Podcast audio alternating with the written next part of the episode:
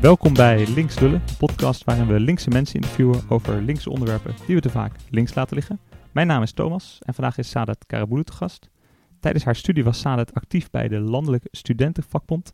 Na haar studie heeft zij allerlei functies bij de gemeente Amsterdam gedaan, waaronder coördinator drugsbeleid. Sadat is nu sinds 2006 Kamerlid voor de Socialistische Partij en zal in 2021 stoppen. Sadat spreekt zich uit voor internationale solidariteit en tegen zinloze oorlogen. Sadat, leuk dat je er bent. En om te beginnen een korte vraag. 15 jaar in de Kamer, wie of wat ga je zeker niet missen? Um, nou, bijvoorbeeld van de week, de laatste dag voor het zomerreces, uh, moest ik om half vijf in de ochtend stemmen. Dat ga ik niet missen. Vervolgens was ik om zes uur thuis. Heel mooi. Uh, om al die uh, vogeltjes wakker te zien worden. Maar dat ga ik niet missen. Maar wel het goede telkens gestemd en niet halverwege in slaap gevallen? Uh, nee, ik ben niet in slaap gevallen uh, en heb heel veel werk verzet. Maar je kunt je zo voorstellen dat rond een uur of drie je een, een licht momentje hebt dat je denkt, nou, ik zou nu eigenlijk wel naar mijn bed willen. Ja, helemaal begrijpelijk. Uh, we gaan het vandaag over heel iets anders hebben, namelijk over Palestina en de stand van internationale solidariteit. Genoeg te bespreken dus. Um, zoals de luisteraars waarschijnlijk wel weten, lopen de spanningen op in Israël omdat de premier Netanyahu heeft aangekondigd stukken land te gaan annexeren. Uh, kan je uitleggen wat er aan de hand is? Ja, um, heel uh, in het kort. Um, Palestina is al 53 jaar bezet, sinds 67, waar Israël grote delen van Palestina heeft ingenomen, de westelijke Jordaan-oever, uh, Oost-Jeruzalem onder andere. De facto is er eigenlijk al annexatie, dus volgens internationaal recht uh, mag je daar geen mensen naartoe verplaatsen bijvoorbeeld? Mag je de, bevolking niet uh, verjagen? Dat gebeurt feitelijk al jaren. En nu eigenlijk aangezet en aangemoedigd door uh, president Trump...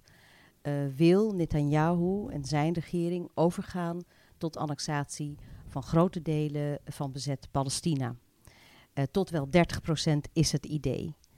En uh, dat is om meerdere redenen uh, een ontzettend uh, verkeerd plan. natuurlijk vanwege het leed dat de Palestijnen omgaan, hè, omdat hun land op deze manier volledig wordt ingepikt.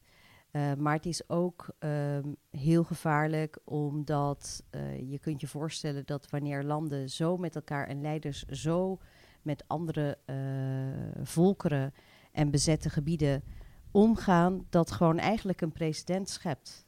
Hè, dat, uh, nou ja, vandaag mm -hmm. of morgen stel uh, Europa uh, verhardt verder. Er staan allerlei autoritaire leiders op die zichzelf sterke man noemen en denken, nou, ik ga een stukje Nederland erbij annexeren. Dat mag niet, dat kan niet, daar zijn hele heldere afspraken over. Maar ook om een andere reden, namelijk dat, dat internationaal rechtelijk gezien Nederland, Europa, de Verenigde Naties nog altijd op het standpunt staan dat er een twee-staten-oplossing moet komen uh, voor Israël en uh, Palestina.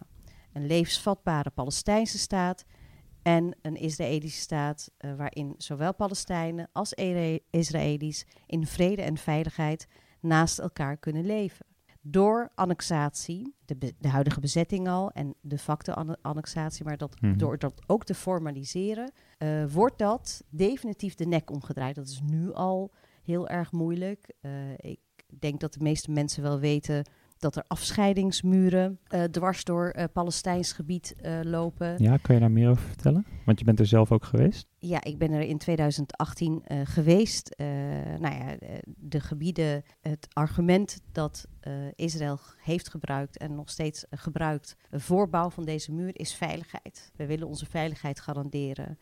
Uh, maar in de praktijk loopt die afscheidingsmuur ook dwars door Palestijnse gebieden, waardoor families van elkaar gescheiden worden. Mm -hmm. um, in Palestijns gebied zijn heel veel nederzettingen gebouwd. Er wonen zo'n 600.000 uh, Israëli's in Palestijns gebied, in illegale nederzettingen, wat ook in strijd is met internationaal recht. Wat ik daar heb gezien is eigenlijk ja, iets uh, wat wij abstract kennen, hè, de term apartheid, uh, is dat er apartheid is in die samenleving. Uh, bijvoorbeeld omdat Palestijnen in hun eigen, op hun eigen grond voortdurend moeten vechten omdat hun woningen worden vernield, omdat olijfbomen worden vernield, omdat zij aangevallen worden door kolonisten, omdat zij geen water hebben, terwijl aan de overkant je de nederzettingen op Palestijns grondgebied ziet, uh, waar mensen uh, alle voorzieningen hebben en ze ook nog eens met aparte wetten worden behandeld. Daar waar je zou verwachten dat ehm, een bezet volk dat die hun rechten terugkrijgt, hun land terugkrijgt, worden in dit geval de kolonisten en de nederzettingen beschermd. En worden bijvoorbeeld, uh, in, in Hebron zagen we dat, hebben, heb ik heel veel jongeren ook gesproken. Daar zijn ze mee opgegroeid. Jonge mensen, tieners nog, s'nachts van hun bed gelicht en half ja, gemarteld eigenlijk en opgepakt uh, om de kleinste incidenten. Dat is wat aan de hand is. en daar zijn heel veel resoluties, internationaal rechtelijke uitspraken. De muur die is ook al door, door het internationaal gerechtshof veroordeeld. Uh, de bezetting ook, uh, de illegale nederzettingen ook. Alleen wat niet gebeurt is daar, dat daar dan vervolgens vervolg aan wordt gegeven. Dus dat Nederland, de Europese Unie en andere landen zeggen: dit mag niet, dat er internationaal rechtelijke resoluties liggen, maar dat uh, vervolgens eigenlijk de praktijk doorgaat zonder dat daar, want dat heb je ook in internationaal recht, je kunt maatregelen, nee, je moet eigenlijk maatregelen treffen. Want wat stellen, wat stellen anders je regels voor als je ze continu kan overtreden zonder dat er iets gebeurt? Ja, dat voedt natuurlijk ook enorm het cynisme. En daarom weet je, het geloof in het internationaal recht. Namelijk dat je uh, geen land mag bezetten, dat je niet mag annexeren, uh, dat je niet zomaar anderen mag aanvallen, dat je onschuldige burgers niet mag doodschieten. Wat gebeurt, uh, Gaza een ander stukje, wat de facto eigenlijk ook is bezet vanwege de blokkade. Dat mag allemaal niet. Het mag allemaal niet. Alleen in de praktijk gebeurt het en vervolgens worden daar geen maatregelen getroffen ja, wat, wat, wat denk jij dan? Ja, dan zijn het geen regels, dan staat het op papier. Maar in werkelijkheid kan je dat kennelijk uh, ja, plus, negeren. Plus als bezettingsmacht weet je, ik kom ermee weg. Ja. Even om een paar voorbeelden te geven. Bijvoorbeeld toen Rusland de Krim annexeerde, is er niet alleen een veroordeling en meerdere veroordelingen gekomen, maar zijn er ook sancties getroffen. Harde sancties. In de praktijk zien we dat er verlegenheid is en dat eigenlijk bijvoorbeeld de afgelopen jaren de samenwerking tussen de EU en uh, uh, de Israëlische regering is uitgebreid.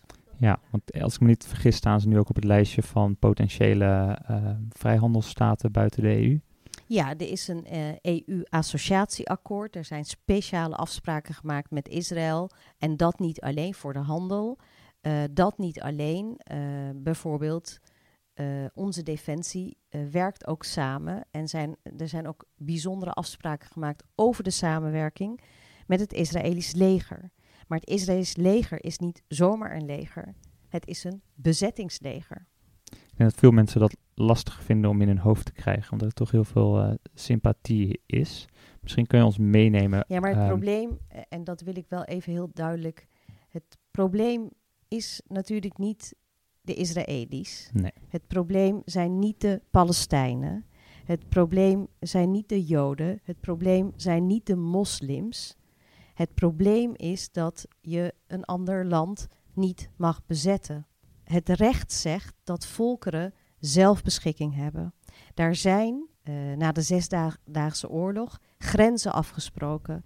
Grenzen die al verder waren opgerekt, hè, wat oorspronkelijk tot Palestijns gebied behoorde. Op basis van die grenzen, grenzen zouden er vredesbrekingen, die zijn er ook in het verleden geweest. Maar keer op keer worden die internationaal rechtelijke afspraken geschonden. En dat is het probleem. Het probleem is bezetting. Niks meer, niks minder. Het probleem is daarmee ook iets voor Palestijnen en Israëli's. Alleen omdat Palestijns, Palestijnen het onderdrukte volk zijn, ja, zij zijn natuurlijk degene die de prijs ervoor betalen. Maar ik heb ook heel veel Israëli's gesproken, die bijvoorbeeld nog steeds achter het idee van een twee-staten-oplossing staan en ook zien dat die verder uit zicht raakt. Uh, en er is nog een ander probleem, wat heel veel Israëli's ook voelen. Vooral diegenen die zich ook inzetten voor mensenrechten. Want het gaat om grove schendingen van mensenrechten. Namelijk dat door de verrechtsing, enorme verrechtsing in de Israëlische politiek, ook de Israëlische, hè, want dat is eh, waar het onbekend staat, Israël, de enige democratische rechtsstaat in het Midden-Oosten, mhm. dat dat zwaar onder druk staat. Ook zij worden onderdrukt. Ik heb uh, veel mensenrechtenactivisten gesproken, wiens bewegingsvrijheid wordt beknot, uh, die echt als de vijand, de vijand van de staat Israël worden afgeschilderd. En daaromheen ook mensen bang zijn dat het een, apart, een pure apartheidstaat wordt waar onderdrukking wordt gebruikt. Plus, uh, zeker wanneer deze plannen zouden doorgaan, het houdt natuurlijk een keer op. Je kunt het wel, hè, je, kunt het heel bond maken. En aan het eind zal dat als een boemerang natuurlijk terugkomen bij de Palestijnen, maar ook de Israëli's. Dus het is, het is totaal krankzinnig, uh, krankzinnige politiek maar wel één die aangemoedigd wordt en die eigenlijk op een presenteerblaadje is aangeboden aan Netanyahu door de Verenigde Staten onder leiding van president Trump. Hij heeft ehm, een, een, zogenoemd uh, vredesplan gepresenteerd, wat neerkomt op annexatie van grote delen van Palestina. Nou, of dat het zover komt en wat dat dan allemaal zou betekenen, dat is even vers 2. Maar dit is ja, op hoofdlijnen wat er aan de hand is. Dus de VS werkt onder Trump volledig weg van de twee-staten-oplossing en suggereert echt uh, Israël annexeer maar. Nou ja, zoals ik al noemde, die twee-staten-oplossing was natuurlijk in de praktijk al heel problematisch. Mm Omdat er de facto al uh, nou ja, op de grond al sprake is van uit, voortdurende uitbreiding van illegale nederzettingen en uh, annexatie. Maar inderdaad, als dit ook nog eens uh, gerealiseerd zou worden. En uh, Trump heeft ook de uh, ambassade van de Verenigde Staten naar Oost-Jeruzalem verplaatst, et cetera, et cetera. Allemaal van dit soort stappen. Ja, dan is het daarmee gewoon hartstikke mors dood. Overigens, heel veel Israëli's en Palestijnen die zeggen nu ook al, het is niet meer realistisch. Als je een, een kaart erbij pakt mm-hmm. en ziet waar de nederzettingen zich bevinden, de uitbreiding daarvan, uh, dan zie je ook dat, dat van een levensvatbare Palestijnse staat nauwelijks meer sprake kan zijn. Er zouden hele grote stappen gezet moeten worden. Ja, maar kijk, net zo goed als dat die Israëli's op een gegeven moment zijn, daar naartoe zijn verhuisd, kunnen ze ook weer ergens anders heen verhuizen, zou je dan kunnen zeggen. Want je hebt op een gegeven moment zo'n lijn met elkaar afgesproken, zo'n twee-staten oplossing. En als je zegt het is niet realistisch, bedoel je dan de mensen die er nu zijn gaan wonen, die gaan daar niet meer weg? Ja, ja, ja dat, is natuurlijk, dat is natuurlijk waarom dit voortdurend, hè, uh, uh, waarom voortdurend steeds meer stappen worden gezet. Waarom voortdurend die nederzettingen zijn uitgebreid. Waarom Gaza is geblokkeerd. waarom er niks meer aan, aan vredesbesprekingen is. En natuurlijk, er liggen nog veel meer problemen, ook aan Palestijnse zijde. De, de Palestijnse autoriteit, die heeft niet meer de autoriteit die het zou moeten hebben. Er is heel veel ongeloof, er is natuurlijk heel veel uh, cynisme. Kan je, nog, kan je nog spreken van een Palestijnse staat? Zijn er nog de dingen die wij verwachten van een staat, een, brandweer, nou, ja, een onderwijs? ja, er is de Palestijnse autoriteit en in sommige gebieden moeten zij de veiligheid garanderen. Uh, maar het is allemaal heel moeizaam. Het is allemaal heel erg moeilijk. Ook omdat natuurlijk Hamas uh, op een gegeven moment in, in Gaza de macht ook heeft gekregen. Onderling complete verdeeldheid. nou ja, die ontwikkelingen ook niet positief zijn. Dus het is gewoon een hele, hele problematische situatie. Wat niet wegneemt dat daarvan de oorzaak nog steeds de bezetting is. Ja, het is, het is ook altijd heel vreemd als je dan soms naar tv kijkt en je ziet ehm, Tel Aviv is een bekende toeristendestinatie geworden. Of ze doen mee aan het Eurovisie Songfestival. Uh, dus je ziet ook dat er een duidelijke doel is om zichzelf heel positief in de wereld neer te zetten. Ja, nou ja, kijk, weet je, uh, het is wrang, maar voor een, voor een deel van de Israëli's is dat natuurlijk ook zo. Hè? Een, deel, een, een, een deel van de bevolking en ook een deel van het leger, die niet in de bezette gebieden opereert, mm ja, het is natuurlijk ook door de afscheidingsmuur en de hele veiligheidsindustrie die daaromheen is, afgebouwd, is gebouwd, opgebouwd, is het ook niet zichtbaar. Want Palestijnen komen niet in, op Israëlisch grondgebied. Nee, dus ze zien elkaar helemaal niet meer.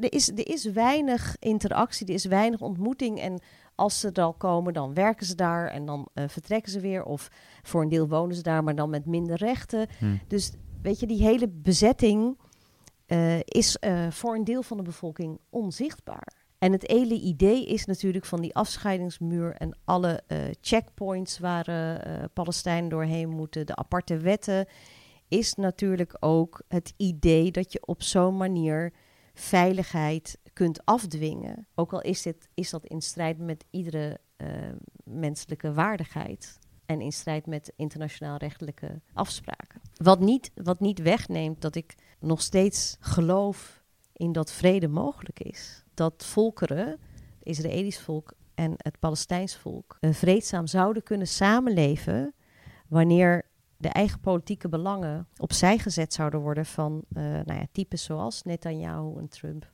Dus het zijn echt de, de sterke mannelijke leiders die graag op hun eigen borst kloppen, die het hier aan het verpesten zijn, zeg jij? Ja, maar wel uh, ook gesteund door natuurlijk een, een, deel van uh, de landen die democratisch zijn en uh, zeggen achter de mensenrechten, de het internationaal recht, et cetera, staan door, door hen geen strobreed in de weg te, te leggen. maar ja, inderdaad, ik geloof erin dat van onderop die veranderingen, hoe dan ook, mogelijk zijn. ja, wanneer ze komen in dit geval is natuurlijk in de basis leven en kunnen volkeren natuurlijk samenleven. Zeker in het Midden-Oosten, waar we weten dat er een mozaïek aan, aan volkeren samenleeft. Alleen het probleem zit me vaak ook wel uh, in de leiding en de bestaande machtsstructuur uiteraard. Ja, dus de hiërarchische machtsstructuur van een leger die echt als bezettingsmacht optreedt, dat maakt het niet echt makkelijk om met elkaar samen te ja, werken, omdat je elkaar anders ziet. Maar ook in internationaal verband uh, wordt hen die macht natuurlijk ook gegeven. Ik bedoel, mm -hmm. de Verenigde Staten die... Uh, zich uh, nou ja, afficheert als uh, mondiale leider, althans dat willen ze blijven, democratie predikt, et cetera, die steunt Israël natuurlijk ook. Ook financieel. Zeker, en dat, ook, we hebben het ook, ook een paar keer gehad over dat Donald Trump dat inderdaad doet, maar hij is niet de enige. Dat is daar echt een links- nee, en rechts consensus. En de Verenigde Staten hebben natuurlijk ook hun bondgenoten en Europa, en dat is natuurlijk richting de toekomst wel heel erg belangrijk. Uh, die zouden eigenlijk een veel grotere en belangrijke rol moeten spelen. Maar het zijn natuurlijk ook deels gevoelige kwestie, kwesties vanwege de historie. Dat speelt ook allemaal mee.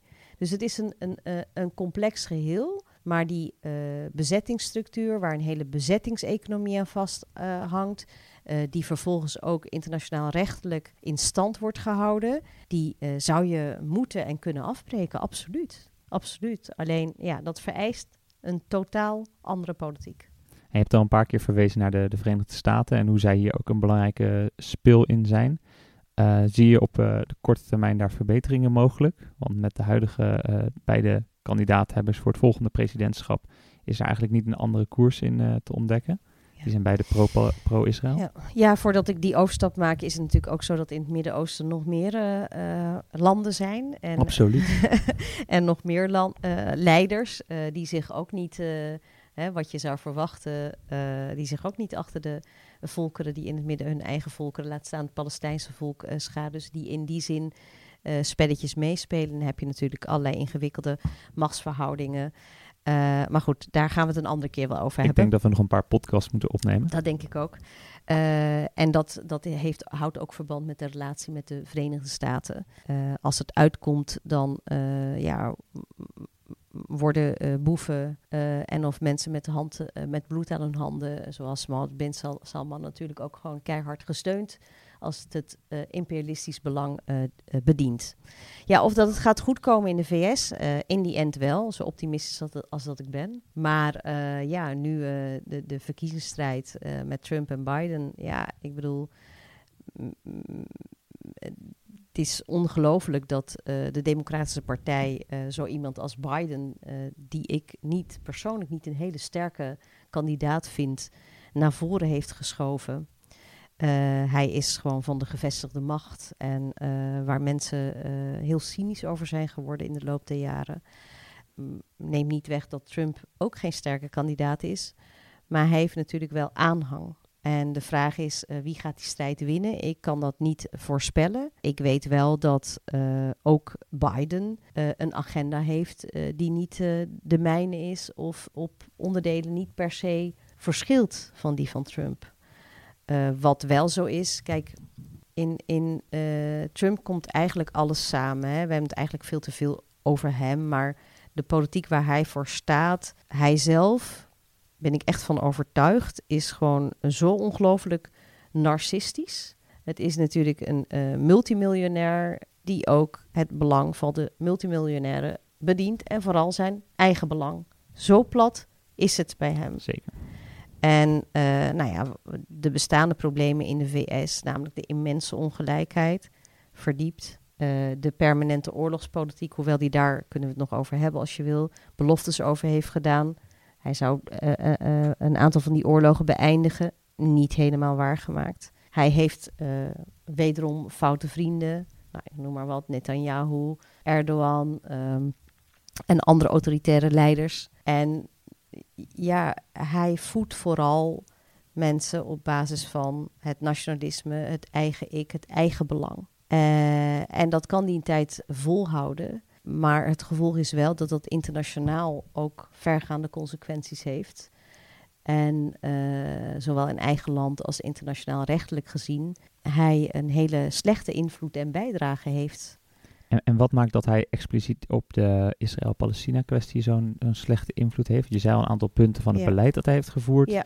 Maar wat drijft hem dan? Of ja, dat is een beetje het hoofd. Nou, dat, dat, dat is best wel interessant. Natuurlijk zijn uh, hij, hij leunt heel erg op uh, een uh, zwaar conservatief deel, een zwaar religieus conservatief deel om de verkiezingen te winnen. Die hebben heel veel macht en invloed, de evangelisten. En die hebben ook sterke lobbyorganisaties.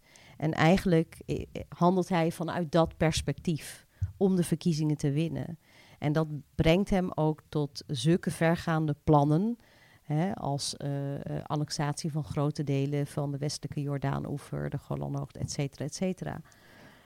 En dat, is, dat zijn, ja, ik verbaas me er ook over, maar heel goed georganiseerde en zeer invloedrijke ehm, groepen met uh, hele foute ideeën. En dat zit hier ook achter. En valt dat dan hun belang deze keer samen met uh, belang van de militair-industriële complex dat er ook graag wapens wil verkopen?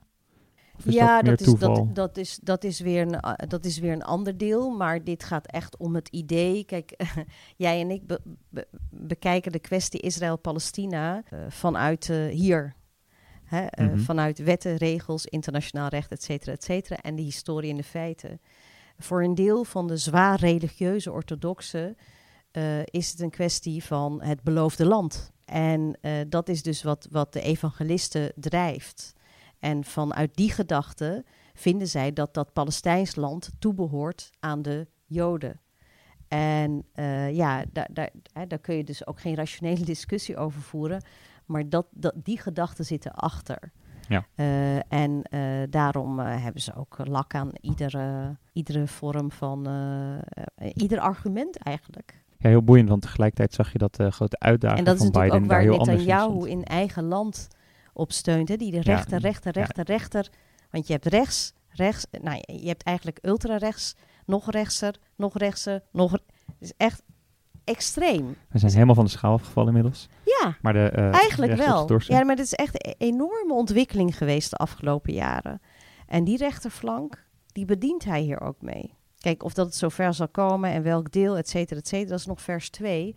Uh, en en uh, dat werkt heel nauw samen. Er zijn ook heel goed georganiseerde lobbygroepen in Israël en in, in de VS bedoel ik, uh, die dit belobbyen. En inderdaad, er zijn fikse budgetten uh, die worden uh, geleverd aan Israël om hun veiligheid te garanderen.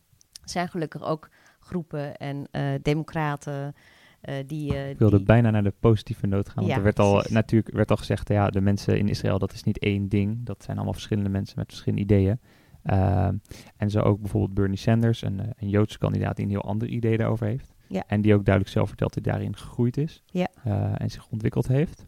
Uh, denk je dat zijn, kan je uitleggen wat zijn gedachten erover zijn?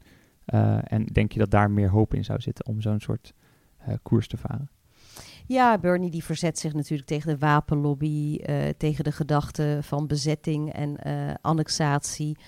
spreekt zich daar ook heel duidelijk tegen uit. Ehm, houdt voor dat, dat, dat vrede mogelijk is en ook mogelijk gemaakt moet worden. dat de president ehm, nou ja, hij kritiseert enorm het bestaande plan. Dus die heeft een, ja, die heeft een heel ander idee daarbij. En uh, die zou uh, voorop lopen en een belangrijke rol kunnen spelen in vredesbesprekingen. En dat zou niet alleen heel erg goed zijn voor Israël en Palestina, maar voor het hele Midden-Oosten. Want het is nog steeds een van de grootste conflicten in het Midden-Oosten, waar je heel veel op kunt terugvoeren. Maar het zou natuurlijk ook uitstekend zijn uh, voor de rest van de wereld. Uh, dus ja, die ideeën zijn, staan totaal haaks op de ideeën van, uh, van uh, Trump. Maar dat geldt voor de hele internationale politiek. Kijk, um, wat Trump heeft beloofd aan zijn kiezers en waar, wat heeft bijgedragen aan zijn verkiezingsoverwinning, is dat hij zei: Ik ga onze jongens, mannen en vrouwen naar huis halen. Wat doen wij in Afghanistan na zoveel jaar, mm -hmm. Irak, et cetera, et cetera. En Amerikanen, eh, eh, je ziet niet alleen een, e, enorme groei jaar in jaar uit van het budget dat gaat naar het militair-industrieel complex, maar natuurlijk ook de militaire aanwezigheid in het Midden-Oosten, die niet heeft gebracht wat ze hadden beloofd, maar wel natuurlijk ook heel veel Amerikanen raakt. En daar is ook een weerzin tegen. Dat heeft hij beloofd, maar in de praktijk, wat we nu zien, uh, Oké, okay, ze zijn aan het onderhandelen met de Taliban. Ze willen weg uit Afghanistan. Uh, Irak, daar wordt over gesproken. Maar tegelijkertijd uh, zijn ze ook nieuwe oorlogen en nieuwe conflicten aan het voorbereiden. Ik noem maar wat, een, Iran. Ook de manier waarop ze zijn omgegaan met bijvoorbeeld de Koerden in Syrië. Mm -hmm. nou, Saudi-Arabië wordt nog altijd gesteund. en er wordt ehm, een, eigenlijk een, een, een nieuwe koude oorlogsretoriek in de richting van China vooral wordt opgebouwd en ook de militaire aanwezigheid uh, in die regio. Dus hij heeft daar weinig van waargemaakt. Daarbovenop uh, hebben ze een aantal belangrijke akkoorden, uh, de GCPOA, dus het akkoord met Iran uh, tegen kernwapens heeft hij opgeblazen. Hij is uit een uh, aantal belangrijke ontwapeningsverdragen INF eh, gestapt. nou ja, dus hij blaast eigenlijk alles wat werkte tegen bewapening. en wat al te weinig was, maar waar we blij mee waren, blaast hij op. Dus, en ook op dat vlak verschilt een Bernie Sanders natuurlijk enorm. Want uh, wat ook zichtbaar is geworden, heel pijnlijk eigenlijk de afgelopen maanden met COVID-19, is dat uh, in het meest kapitalistische land ter wereld uh, er zo ontzettend veel doden zijn gevallen, omdat ze totaal niet voorbereid zijn op de pandemie, maar ook omdat een heel groot deel van de mensen die in de zorg werken niet bescherming hadden, maar ook een heel groot deel van de mensen de zorg niet eens kunnen betalen. En onderwijl worden dus die defensiebudgetten en militaire uitgaven opgekrikt. En dat houdt ook weer relatie met bewapening van de politie. En de eis die Bernie en andere democratische socialisten hebben, is dat uh, nou ja, niet uh, de uitgaven aan wapens, daar willen ze fors op bezuinigen, zodat er geld vrijgemaakt kan worden voor gezondheidszorg, maar ook dat er meer vrede en stabiliteit kan komen in de wereld. En dat zou een verademing zijn. Dat zou het zeker zijn. Ja, we hebben het over grote problemen in, in de wereld en, en soms ook ver van ons weg. Uh, en in Nederland ja, zijn we niet met heel veel mensen en we zijn ook niet zo heel machtig altijd. Wat kunnen we hier wel doen? Uh, we als in zijn algemeenheid? Ja, ik, ik denk dat wat heel belangrijk zou zijn, is dat we een eigen buitenlandpolitiek maken. We hebben, kijk, ook al pretendeert minister Blok van Buitenlandse Zaken dat. En uh, roept de VVD dat we in het buitenlandbeleid vooral het Nederlands belang voorop stellen, gebeurt niet. Nederland volgt vaak, helaas, uh, blindelings of bijna blindelings de lijn die de Verenigde Staten en de NAVO uitstippelen. Nu staat dat ook allemaal onder druk. Uh, maar wij zouden bijvoorbeeld onze steun en deelname aan die permanente oorlogen moeten beëindigen. Weg mm -hmm. uit Irak, weg uit Afghanistan. Je kan veel beter luisteren naar waar de Irakezen en de Afghanen zelf behoefte aan hebben. Hoef je niet militair eh, bij te dragen aan uh, bezetting of andersoortige. En ze op andere manieren helpen. Dat is één. Een tweede is. Uh, en dat kunnen wij gewoon hier met elkaar, met z'n allen in Nederland beslissen. Ja. Hebben we geen Bernie voor en daarvoor is nodig, daar hebben we geen Bernie voor nodig, maar wel een andere politiek. en daarvoor is nodig dat onze regering ons, de bevolking, maar te beginnen de volksvertegenwoordiging ook de waarheid gaat vertellen over uh, wat er gebeurt tijdens die missies, waarom we deelnemen aan die missies en ook als het misgaat. En mijn ervaring van de afgelopen jaren, ik vind dat een grof schandaal, zijn we nog steeds mee bezig. Er is gelogen over wat er in, uh, met de oorlog in Afghanistan gebeurde. Er is gelogen over het grootste bombardement van de Nederlandse luchtmacht in de geschiedenis Hawija in 2015, Irak, waar uh, meer dan 70 mensen, burgers zijn omgekomen. Uh, de oorlog, de politieke steun aan de oorlog in Irak in 2003, waaraan we onder andere IS te danken hebben, uh, is gegeven op basis van leugens. Dus er is een patroon. Er is een patroon omdat vaak de oorlog of deelname aan missies wordt verkocht als wederopbouw of uh, nou ja, een beetje de bevolking daar helpen, democratie brengen. Terwijl de praktijk een hele andere is. En er wordt niet gekeken naar de effecten. Naar de effecten van dat we nu bijna twintig jaar in Afghanistan zitten, bijvoorbeeld. Permanent in het Midden-Oosten aanwezig zijn onder de noemer War on Terror, oorlog tegen terrorisme. Zou ons veiligheid brengen, zou terrorisme verslaan. Het tegenovergestelde is gebeurd. Dan moet je op een gegeven moment eerlijk zijn en kijken naar je strategie. Wat hadden we beloofd? Wat heeft het ons opgeleverd? Het is niet in het Nederlands belang om soldaten te sturen en mee te doen aan permanente oorlogsvoering. Het is wel in het Nederlands belang om vrede proberen te maken. En je zegt het heeft het tegenovergestelde gebracht. Dus het heeft meer terrorisme gebracht dan als we het niet gedaan hadden. Ja, ja ik heb daar uh, een tijdje terug ook een pamflet over geschreven op basis van uh, gegevens van allerlei denktanks, niet bepaald socialistische, maar geanalyseerd ook. En daarin zie je bijvoorbeeld uh, dat sinds 2001 eigenlijk het aantal uh, terroristen dat uit naam van de islam in dit geval handelt, dat het alleen maar is gegroeid. Dat we meer aanslagen hebben gekregen. De laatste twee jaar stond daar niet in, maar het centrale was meer gevaar, meer terrorisme, meer terroristische groepen. En dat is voor een deel ook logisch, want uh, de oorzaken worden niet weggenomen, maar je geeft wel een nieuwe voedingsbodem aan allerlei radicale idioten om te zeggen: zie je, zij zijn onze vijand, zij komen ons land bezetten, ze zitten nog steeds. Uh, nou ja, dat in combinatie, want het is niet zo'n zwart-wit gebeuren natuurlijk. Uh, hoe dat werkt is iets heel complex maar draagt bij aan het ontstaan van allerlei extremistische groepen, waaronder IS. IS is een product van de illegale oorlog in Irak.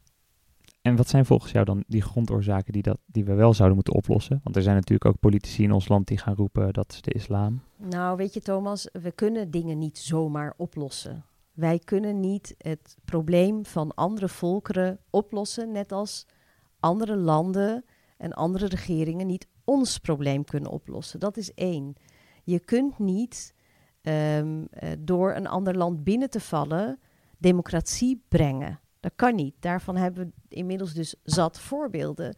De Taliban zou verdreven worden. Ze zitten, we zijn geëindigd waar de oorlog begon. Ze zitten met de Taliban om tafel. En waarom is dat? De Taliban, wat je daar verder ook van mag vinden, is onderdeel van Afghanistan. Wij kunnen niet in Afghanistan een systeem opleggen, een, een democratische rechtsstaat, zoals wij die gewend zijn. De Afghaanse samenleving steekt heel anders in elkaar. Dus allereerst, we moeten respecteren de soevereiniteit van andere landen, de zelfbeschikking van volkeren. Wij hebben recht op ons land en ons eigen leven vorm te geven hier. Uh, iedereen die dat aanvalt, dan hebben wij recht om te verdedigen. Als wij zouden worden onderdrukt, op welke manier dan ook, want wij, hebben, wij kennen natuurlijk ook onderdrukkingsvormen, dan is het primair aan ons uh, om ons daartegen te verzetten. En dan kun je natuurlijk volkeren die in hun recht staan, uh, die uh, terechte eisen hebben, op een andere manier, op verschillende manieren ondersteunen. Of dat nu is door armoede te bestrijden, of dat nu is door oorlogen te beëindigen, of dat nu is door onze multinationals eindelijk belasting te laten betalen, of dat nu is door uh, daadwerkelijk uh, het klimaatprobleem aan te pakken, zodat de aarde niet verder opwarmt en mensen niet op de. Dat soort zaken. En in die zin hebben we als land, moet je realistisch zijn wat je kunt doen, maar als continent en het Westen hebben natuurlijk als, rijke, uh, als rijk continent heel veel mogelijkheden om daar op een positieve manier aan bij te dragen. En het zou, het klinkt te simpel om waar te zijn, maar wat nu als we zouden beginnen met niet bij te dragen aan nog meer ellende uh, door landen te bombarderen of door foute leiders wanneer het in ons straatje past uh, te steunen. Uh, en wat nu als we zouden beginnen met de regels die zijn opgesteld na de Tweede Wereldoorlog in het internationaal, als we die zouden beginnen te respecteren. Dat lijkt mij een hele mooie start. Maar we merken ook tegelijkertijd dat we in de Tweede Kamer dat niet altijd zo ver krijgen. Uh, gelukkig is Nederland groter dan de Tweede Kamer alleen. Uh, en zag je ook in het verleden, en dan moet ik denken aan de oorlog uh, in Afghanistan en Irak, een grote vredesbeweging de straat op gaan. Om te zeggen, dit kan zo niet, mensen. Uh -huh. daar zien we dat misschien de laatste tijd wat minder. hoe kunnen we dat toch een beetje voeden en kijken of daar nog wat energie uit kan komen? Want we hebben meer nodig dan alleen de Kamer. Ja, nee, zeker, absoluut. Nee, dit moet je zeker niet alleen aan parlementen of regeringen overlaten. Ik, ik, ik ben zelf ook actief geworden uh, bij de partij in de tijd. Uh, of althans, ik was eerst actief in de vredesbeweging en vervolgens ben ik actief geworden ook voor de, voor de SP. En dat was inderdaad na de Afghanistan-Irak-oorlog. waar er echt hele grote verontwaardiging en protesten waren wereldwijd. Ontzettend veel mensen gingen toen de straat op. Desalniettemin hebben ze doorgezet met alle gevolgen van dien. Ook hier hebben we nog steeds uh, bijvoorbeeld uh, uh, rondom Syrië en Nederlandse deelname aan de strijd wat onder de noemer tegen IS. zijn er wel kleinere protestvormen, maar ik denk dat dat het belangrijkste is voor het bouwen van een beweging, is dat we in ieder geval de feiten op tafel hebben. Hè, dus dat je bewustzijn creëert. Dat we ook blootleggen de relatie tussen wapenhandel, het militair-industrieel complex en wat er in die landen daar, maar ook in onze eigen landen uh, gebeurt.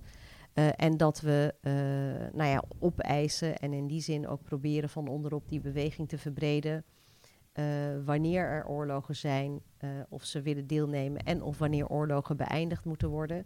Dat we daar onze stem laten horen. En dat kan op verschillende manieren, wat, wat ook niet in mijn naam natuurlijk, jou wel bekend, onder leiding van jongeren van de SP is opgestart uh, door acties tegen uh, wapenbedrijven, informatiebijeenkomsten, discussiebijeenkomsten. En gewoon op straat er echt te, te staan wanneer het moet. En dat ja. zo breed mogelijk. Ik ben er echt van overtuigd dat wanneer de feiten bekend zouden zijn, uh, dat, dat het overgrote deel van Nederland nog steeds niet is voor missies waar we bijdragen aan nog meer ellende. Nee, dat, uh, dat hoop ik ook nog steeds. En we moeten ook niet vergeten dat die bedrijven zitten ook vaak hier uh, ja. via brievenbusfirma's. Zeker uh, hier in Amsterdam. Ja, we gaan er straks op zoek naar een paar, denk ik dan maar. Is goed.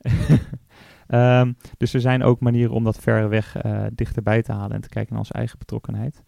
zoals jij natuurlijk ook gedaan hebt vrij recent over het grote bombardement in Hawija. waarover je ook zegt dat de minister gelogen heeft.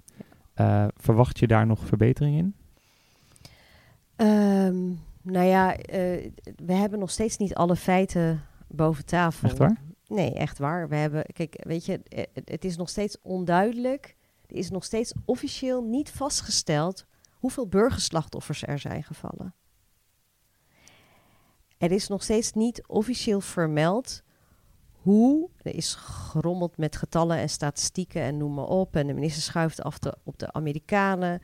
Er worden verschillende termen gebruikt hoe, hoe dat wordt geregistreerd. Um, dus er zijn nog heel veel feiten die niet. Het is nog steeds niet duidelijk hoe het nou heeft kunnen gebeuren dat andere landen hebben geweigerd. We weten niet welke, nog steeds onbekend. Wat hebben die geweigerd? Het bombardement uit te voeren. En wij zeiden... Hebben goed. wij vernomen. Maar ehm, eh, dat, dat, dat, zeggen, eh, eh, dat zegt NGO Airwars bijvoorbeeld, die dit van heel nabij al de hele tijd volgt. En hoe het zo verschrikkelijk mis heeft kunnen gaan, hoe het heeft kunnen gebeuren dat vervolgens de minister tot twee, drie keer toe al in 2015 op vraag van de SP het verkeerde antwoord gaf en dus heeft gelogen. Ondertussen missies werden verlengd door het parlement op basis van onvolledige informatie. Ehm, de slachtoffers hebben nog steeds geen schaderegeling. Dus het is nog niet klaar.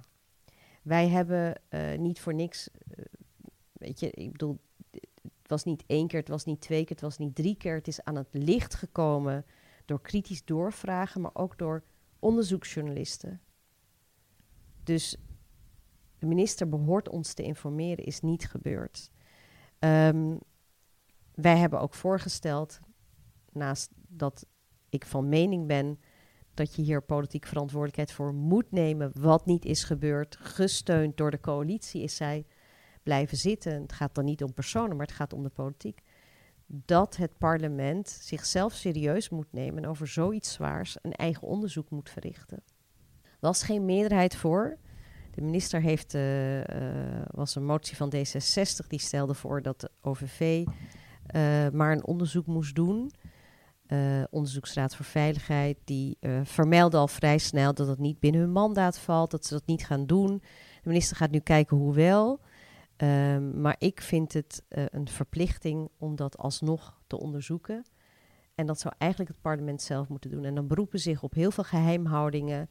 Maar wij hebben recht op die hele waarheid. Al is het alleen maar om te voorkomen dat dit in de toekomst nog meer gebeurt. Ik sprak vorige week een eh, oud-militair die in Afghanistan heeft gediend. Ehm, en die vertelde mij eh, dat naar zijn beleving en zijn bevindingen daar op geen enkele wijze bijvoorbeeld werd bijgehouden burgerslachtoffers. Die werden nergens genoteerd. Nee, dus met andere woorden, we zijn betrokken geweest in Irak, eh, Syrië, Afghanistan.